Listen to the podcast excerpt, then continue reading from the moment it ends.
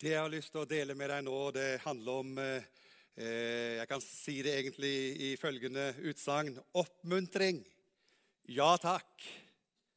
Mye mer av det. Eh, hvis du har Bibel hjemme hos deg Det er jo som regel en bibel i alle norske hjem, så kan du jo finne dem. Så skal vi lese sammen et brev som heter Hebrebrevet, og vi går til kapittel 10, vers 23 til 25.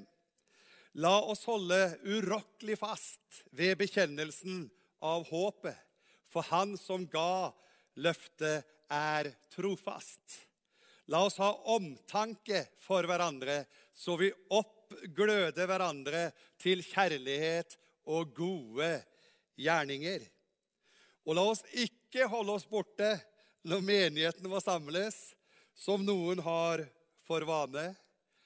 La oss heller oppmuntre hverandre. Og her kommer det Og det så mye mer. Altså oppmuntre hverandre mye mer. Og så står det altså La oss heller oppmuntre hverandre, og det så mye mer som dere ser at dagen nærmer seg. Det første som vi finner i denne teksten, her, det er at det er mulig å stå fast i vanskelige tider. Det er mulig å stå klippefast. Det er mulig å stå urokkelig fast. Det kan blåse fra venstre, det kan blåse fra høyre, det kan blåse ovenfra, det kan blåse bakfra, det kan blåse forfra. Men vi står urokkelig fast. La oss holde urokkelig fast. I en omskiftelig tid av usikkerhet, utrygghet, så er det ekstra viktig med forankring i noe som er fast, noe som er tidløst, og ja, til og med noe som er evig. Snakk om bærekraftig utvikling. Snakk om å stå han av når det stormer og når det blåser. La oss holde urokkelig fast. Men vi skal jo ikke holde urokkelig fast i hva som helst. Vi skal jo holde urokkelig fast i noe som også selv er fast. Noe som eh, er en forankring. Og da sier forfatteren eh, i, av hebreerbrevet han sier vi skal holde fast ved bekjennelsen av håpet. Bekjennelse, det er noe vi sier. Det er ikke noe vi tenker. Bekjennelse kommer fra noe vi tenker, men ordet bekjennelse innebærer å snakke. Bekjenne er å si høyt. Håpet skal altså ikke ties i hjel, men det skal løftes opp og fram. Det skal synliggjøres gjennom vår bekjennelse. Vi sier jo i det norske språket så lenge det er liv, så er det håp. Men vi sier også så lenge det er håp, så er det liv. Tar du håpet fra mennesker, ja, da har vi ikke mye igjen. Da eksisterer vi bare. Men Gud vil ikke at du bare skal eksistere. Gud vil at du skal leve. Så han har gitt deg et håp som gjør at du ikke bare eksisterer, men du lever et liv med framtid og håp. Så vi skal holde urokkelig fast ved bekjennelsen av håpet. Men da er det jo naturlig at vi spør oss ja, er dette håpet så trygt. Er dette håpet så legitimt? Eh, er det noe kvalitet i dette håpet her som vi snakker om? Ja, da er det godt å vite at legitimiteten, berettigelsen til håpet, er ikke i skiftende omstendigheter, er ikke i menneskelige følelser og emosjoner som kan gå opp og ned, og eh, i, i, i eh, forskjellige faser av livet, eller at det er fundamentert i verdensomspennende begivenheter. Nei, Håpets berettigelse det er ikke billig og overflatisk positiv tenkning. Håp er ikke naiv ønsketenkning. Hadde det bare, kunne det bare, og det burde, og det skulle, og hvis nå bare. Håp er ikke på måfå. Nei, håpets berettigelse er å finne i den evige Gud. Han som er en forsørgende far, han som er trofast og holder sine løfter. Så forfatteren sier, la oss holde urokkelig fast ved bekjennelsen av håpet, for Han som ga løftet, er trofast. Det holder i tiden, og det holder i evigheten. Ut ifra den urokkelige fastholdelsen av håpet og bekjennelsen av dette. Og ut ifra denne relasjonen med Gud, som er legitimiteten på at vi kan håpe mot alle odds, det skjer noe med oss som da fører til at vi får en respons som handler om omtanke for hverandre. Det ligger mye motivasjon og styrke i å høre at andre tenker på oss. Vår gode kong Harald Jeg er så takknemlig for at vi har en god konge i dette landet her. Han taler ikke ofte til folket utenom sine årlige nyttårstaler. Men i denne koronakrisen som vi nå er inne i, henvendte han seg allerede søndag 15. mars i en tale til nasjonen. Han beskrev alvoret, identifiserte seg med sitt folk i empati. Han formante til solidaritet ved å følge myndighetenes pålegg og ordninger. Han roste de ansvarlige fagfolk og politiske ledere, både regjering og storting. Han løfta fram gode verdier som tillit, som vi har i vår nasjon. Han henvendte seg til forskjellige sårbare grupper og ga trøst.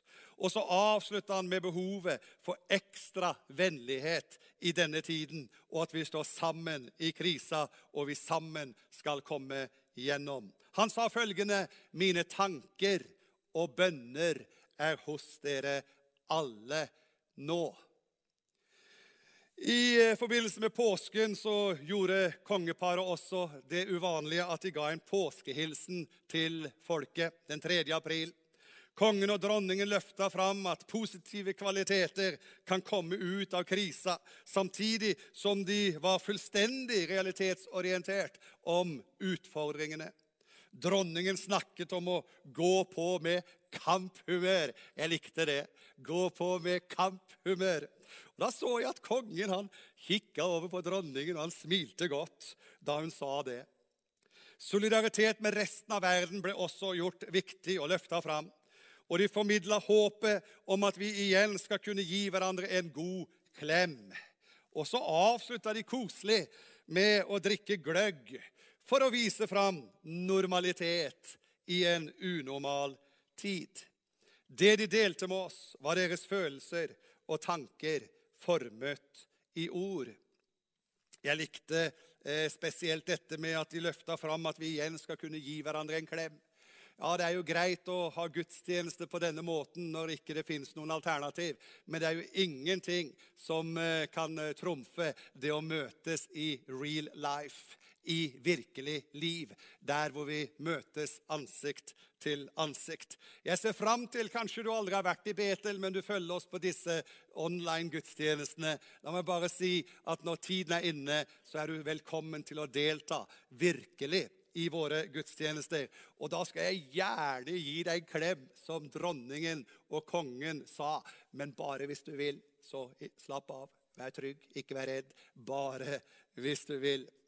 Noen kan tenke at når kongen taler til folket, når dronningen taler til folket, så er det jo bare ord. Bare ord. Men jeg vil si våre ord er ikke bare bare. Ordene som kommer fra vår tenkning, kan bryte ned og ta motet fra folk. Eller de kan også bygge opp og gi framtidstro. Vi i Betel vi har et oppdrag, og det er å gi deg framtidstro. Vi i Betel vi har en oppgave, og det er å formidle håp. Og kongens og dronningens ord viste jo deres omtanke, og det var med å styrke oss som ett folk. Filippe-brevet sier eh, i kapittel 2, vers 4-5.: Tenk ikke bare på deres eget beste, men også på de andres. La samme sinnelag være i dere som også var i Kristus Jesus. Videre i dagens tekst fra Hebreerbrevet så står det at vi skal opp oppgløde hverandre til kjærlighet og gode gjerninger. Jeg ser i Trøndelag, kalde, vinterlige Trøndelag Vi venter jo så lenge på våren, og vi gleder oss nå at det begynner å spire fram litt. Men jeg ser i hvert fall ikke noe behov her for at vi skal kjøle hverandre ned. Nei, forfatteren av hebreerbrevet han sier vi skal oppgløde hverandre til kjærlighet og gode gjerninger. Vi skal ikke kynisk ta motet fra hverandre. Vi skal ikke slukke hverandres entusiasme og pågangsmot. Nei, vi skal oppgløde hverandre. Vi skal oppildne hverandre. Vi skal tenne en ild, og det er mye bedre å tenne et lys enn å forbanne mørket. Vi skal tenne hverandre, og oppildne hverandre og oppgløde hverandre. Så jeg sier ja til global oppvarming. Men ikke av klima, men det mellommenneskelige klimaet. Vi trenger å varme opp rommet mellom oss mennesker. Varme opp rommet i våre relasjoner. Vi skal oppgløde hverandre. Ja, det står ordet 'hverandre'. Det vil si det er ikke en ensidig situasjon hvor du trenger meg, men jeg ikke trenger deg. Nei, vi skal oppgløde hverandre. Jeg trenger deg, du trenger meg. Vi trenger hverandre. Dette skjer gjensidig, at vi oppgløder hverandre. Alle gir, og alle får. Din personlighet er like verdifull som alle andres personlighet. Og du er viktig i oppgaven med å oppgløde hverandre. Våre ord skal ikke være tomme og meningsløse ord, men de skal motivere til kjærlighet og til handling. Johannes, som kalles for kjærlighetens apostel, han sier, 'Mine barn, la oss elske, ikke med tomme ord, men i gjerning og sannhet.' Så vi skal oppgløde hverandre til kjærlighet.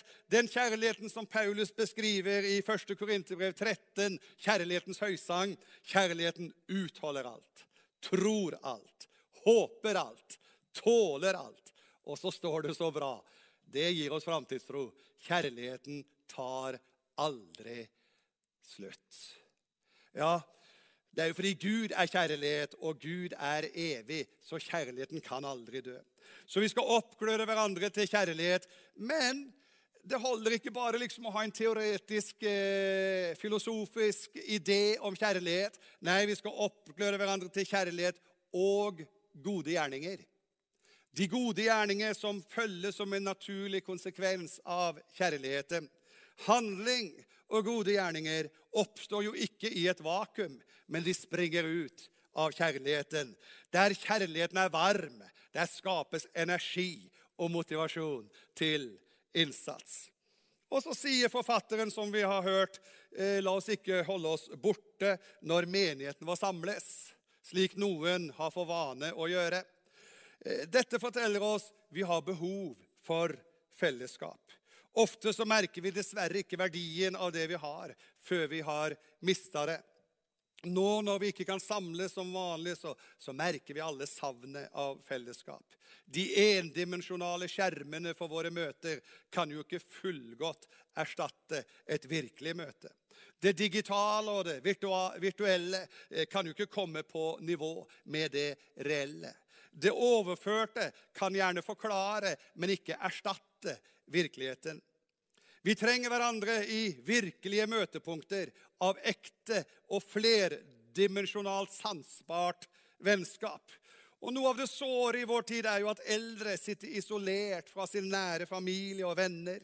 Møtene skjer gjennom vinduer eller fra balkonger, og det er ingen nær øyekontakt, ingen hudkontakt. Ja, det kan være hjerte hjerteskjærende å se på nyhetene hvordan eh, pårørende og familietilhørige besøker sin mormor og sin mor med en lift som løfter dem opp til tredje etasje på sykehjemmet, så de kan se mor gjennom vinduet.